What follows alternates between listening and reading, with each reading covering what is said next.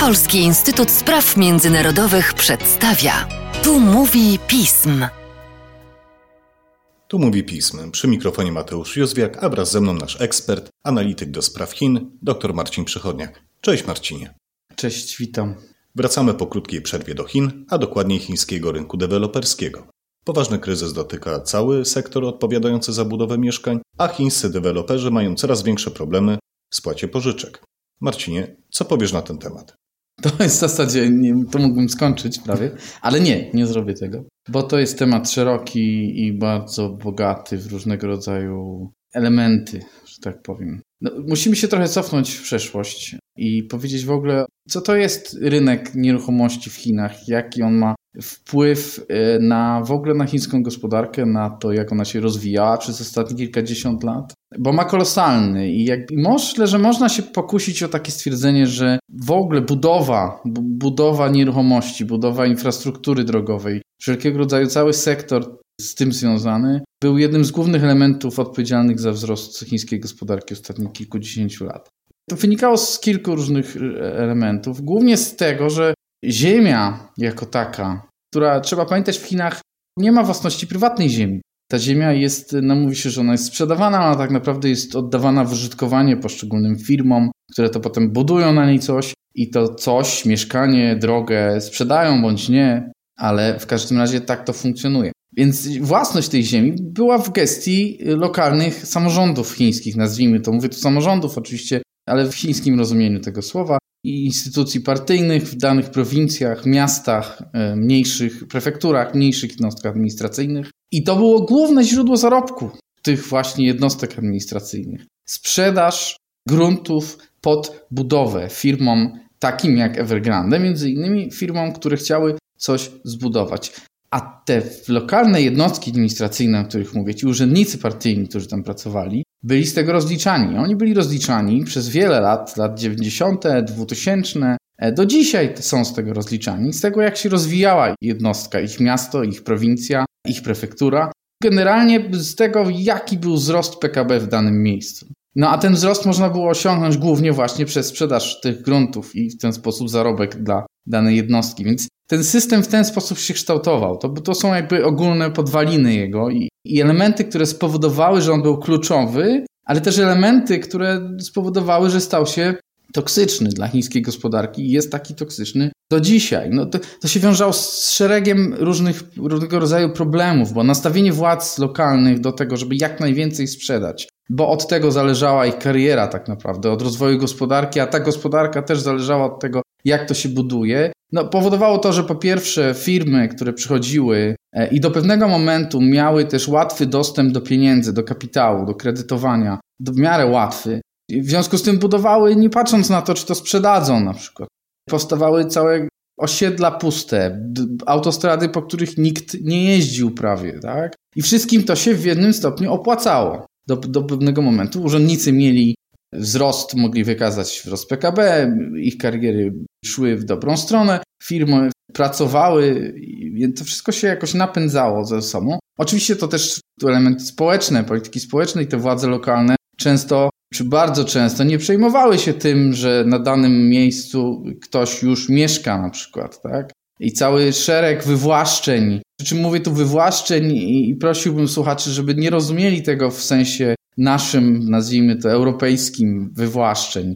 Oni otrzymywali gratyfikacje finansowe, jakieś odszkodowania, ale nikt nie zwracał uwagi na to, czy na przykład w takim Pekinie, czy innym dużym mieście będą sobie w stanie za te pieniądze, które dostają, kupić mieszkanie po prostu, tak? Wyrzucani z poprzedniego, kupić nowe. Najczęściej tak nie było. Nie było tak, bo w związku z tym, że ten system się dobrze kręcił, to ceny poszły mocno w górę. To są niesamowite wzrosty w przestrzeni lat. Ceny nieruchomości w Chinach wzrosły o prawie 600% od 2002 roku, ogólnie rzecz biorąc. No to oczywiście jest zróżnicowane, jeśli chodzi o terytorium, o miejsce, ale w wielkich miastach zakup nieruchomości, a jak wiadomo, do tych miast ciągnęli ludzie za pracą, był bardzo trudny dla klasy średniej kształtującej się chińskiej. Oczywiście dostępny praktycznie jedynie na kredyt.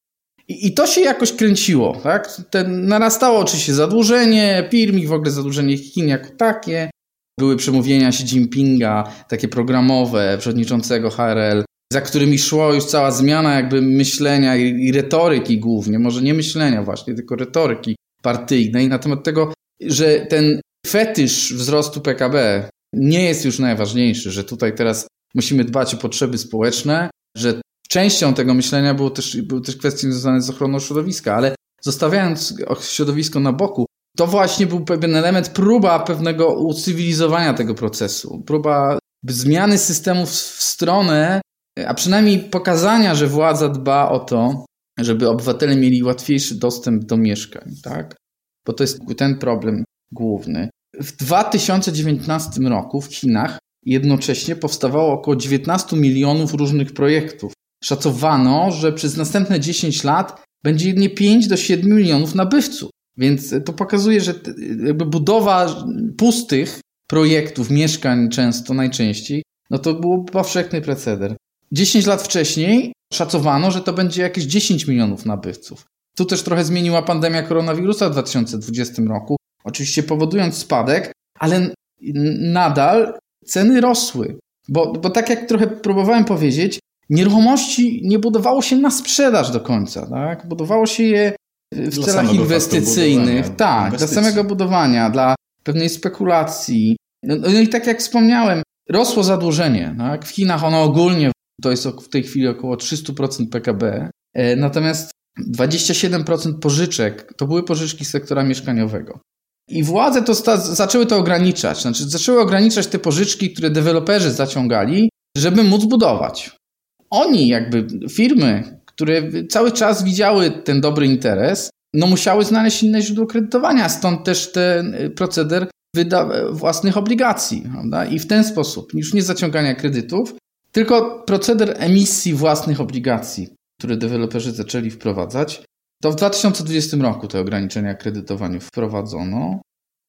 W 2020 roku dodatkowo jeszcze władze chińskie widząc, że ten mechanizm cały czas, ta bańka cały czas rośnie i ten problem narasta, zwłaszcza związany z zadłużeniem, ograniczyły też kredytowanie dla kupujących, dla obywateli, dla indywidualnych osób, które chciały kupować. Znaczy, tu były pewne limity, pewne możliwości zostały zmniejszone i w tej chwili statystyki pokazują, że mamy ponad 30% spadku sprzedaży w 33 miastach największych chińskich. To, no to wszystko wpływa na to, że te firmy, jak Evergrande, których działalność opierała się i zyski, kolosalne zyski opierały się w zasadzie na tym schemacie, nie mają z czego spłacać tych obligacji, które wyemitowały. Na jakim poziomie jest jego zadłużenie na tę chwilę? No, to jest pytanie za milion dolarów, ale no szacuje się, że to jest za, łącznie całe zadłużenie, to jest jakieś około 500 milionów dolarów w tej chwili były wyzwania do spłaty obligacji, prawda? Mijał okres, po którym firma musiała je wykupić od y, tych, którzy zainwestowali wcześniej swoje pieniądze. I trzy razy tego Evergrande już nie zrobiło.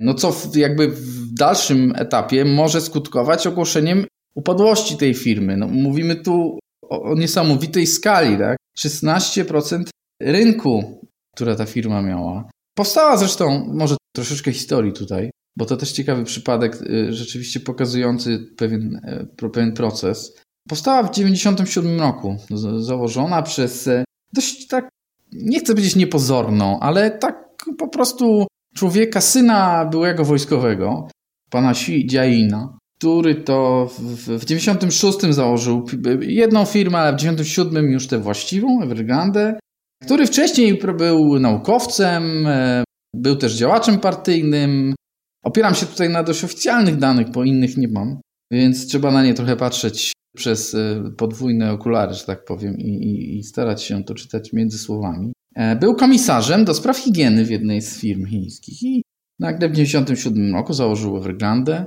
które to rozrosło się do tych rozmiarów, o których mówiłem przed chwilą. I obecnie to oczywiście już i obecnie, czyli i teraz, ale i rok temu, to już nie jest to Evergrande, które było wcześniej to, które rzeczywiście, kiedy pan, pan Xi był jednym z najbogatszych Chińczyków, kiedy to klub piłkarski, którego Evergrande było właścicielem, bodajże siedmiokrotnie zdobywał Mistrzostwo Chin i był jakby no, był wzorem dla innych podmiotów tego typu w Chinach jako, jako pewien właśnie deweloper zaangażowany w wiele różnych sektorów. Bo To jest pewien powtarzalny mechanizm też tej sytuacji. Evergrande wraz z rozrostem inwestowało w szereg różnych przedsięwzięć, o których jeszcze za chwilę powiem, pewnie przynajmniej o jednym z nich w kontekście tego, co się teraz z tym Evergrande dzieje. Ale no tu trzeba, tu, nie, nie będę całej listy prezentował, ale trzeba wspomnieć o tym, no, że, że i Evergrande inwestowało, i w Evergrande inwestowali inni, tak? I to jest podmiotów szereg, to są chińskie podmioty, to są miasta, to są prowincje, które swoje pieniądze inwestowały w, właśnie w działalność tej spółki. To są e, podmioty zagraniczne. Evergrande miało plan budowy parków rozrywki swoich własnych.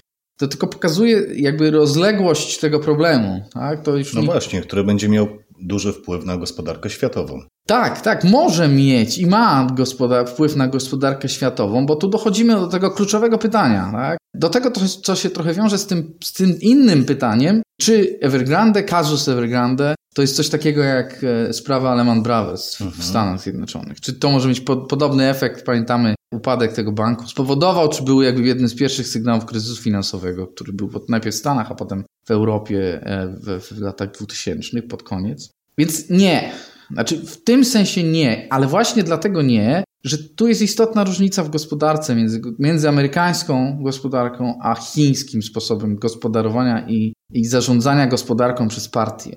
Bo tu kluczowe jest pytanie, co zrobi partia. Bo partia ma środki i sposoby, dzięki którym mogłaby ten, tę firmę może nie uratować, tak? może nie spłacić wszystkich, bo to są, mówimy o kolosalnych kwotach, ale no, nie doprowadzić do bankructwa, tak? wejść w proces stabilizacji, restrukturyzacji, zmian, który spowoduje, że ona pewnie będzie dużo mniejsza, ale nie upadnie, będzie stopniowo spłacać swoich wierzycieli, głównie chińskich, bo myślę, że zagraniczni wierzyciele to mogą powoli stopniowo zapominać o swoich pieniądzach, niestety. To nie będzie oczywiście takie łatwe. Więc to jest to kluczowe pytanie, na które się jeszcze nakłada jedna sprawa. To, co się obecnie dzieje w Chinach i jaka jest polityka partii wobec przedsiębiorców generalnie i wobec tego, jak, jak się, jaka jest retoryka wobec e, przedsiębiorców, wobec wolnego rynku, wobec e, bogacenia się, bo to też Evergrande oczywiście też synonim bogactwa, jego właściciel, prawda? Te wszystkie elementy też społeczne grają tu rolę. No i to podejście jest teraz dość takie regulacyjne. Tak? No,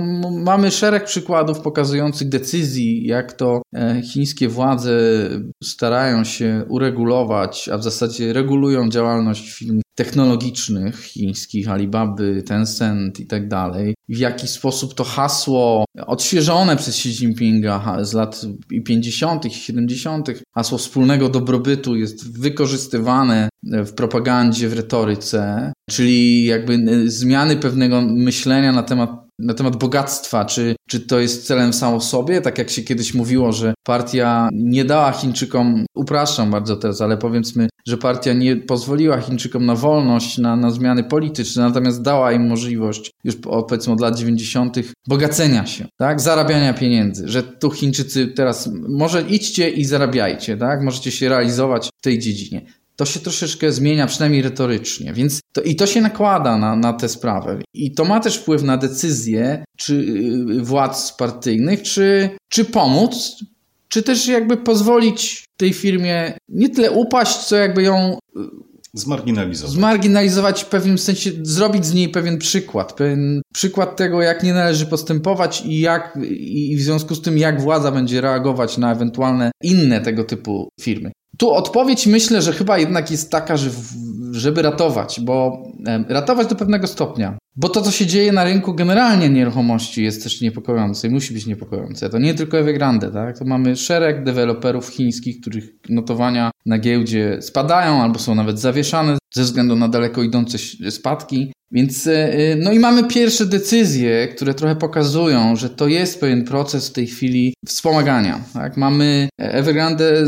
sprzedało część udziałów w banku, którego był właścicielem, prawda? Deweloper jest właścicielem banku. Ale tak było. Prawie 20%. Podmiotowi pod kontrolą jednej chińskich, z chińskich prowincji, więc to też jak, no jakby ewidentnie było to na zasadzie upaństwowienia części tego banku. Miliarderzy, inni właściciele innych firm, powiązani z partią w ten czy inny sposób, też sugerują, podejmują decyzje, mówią o tym, że są gotowi wykupić część udziałów w poszczególnych elementach tego, nazwijmy to, imperium Evergrande. Też jakby, no oczywiście pozwalając tej firmie troszeczkę zrestrukturyzować koszty i zmniejszyć straty. Więc no, to są jakby takie sygnały, które pokazują, że o pełnym upadku Evergrande jako takim mówić nie możemy. No bo e, jak wspomniałem na początku, Evergrande to jest pewien symbol, to jest pewien przykład, ale tu jest gra idzie o cały sektor, a cały sektor cały czas ma ogromne znaczenie dla chińskiej gospodarki. Mimo tego, że tak jak już powiedziałem też wcześniej, władze chińskie próbują to zmienić, ale ten system powiązań między lokalnymi władzami, firmami i też zależności między prowincjami a Pekinem no powoduje, że ta zmiana jest tu bardzo ciężka. Nawet mimo tego, że przecież mówi się tyle o centralizacji władzy w Chinach, ale te, to, to jakby system układów powiązań jest na tyle silny, że tu ciężko mówić o takiej radykalnej zmianie e, w taki sposób i na to, żeby Chiny, władze partyjne mogły sobie pozwolić na upadek Evergrande, a co za tym idzie i pewnie kłopoty całego sektora, a co za tym idzie kłopoty całej gospodarki. To też ze względów propagandowych byłoby e, kiepskie dla nich. Zupełnie poza kwestiami propagandowymi, aż czysto dobrych intencji, życzymy zatem firmie Evergrande i całemu chińskiemu rynkowi deweloperskiemu w jak najszybszym czasie stabilizacji i spokoju. A Tobie, Marcinie, dziękuję za dzisiejszy podcast. Ja dziękuję bardzo.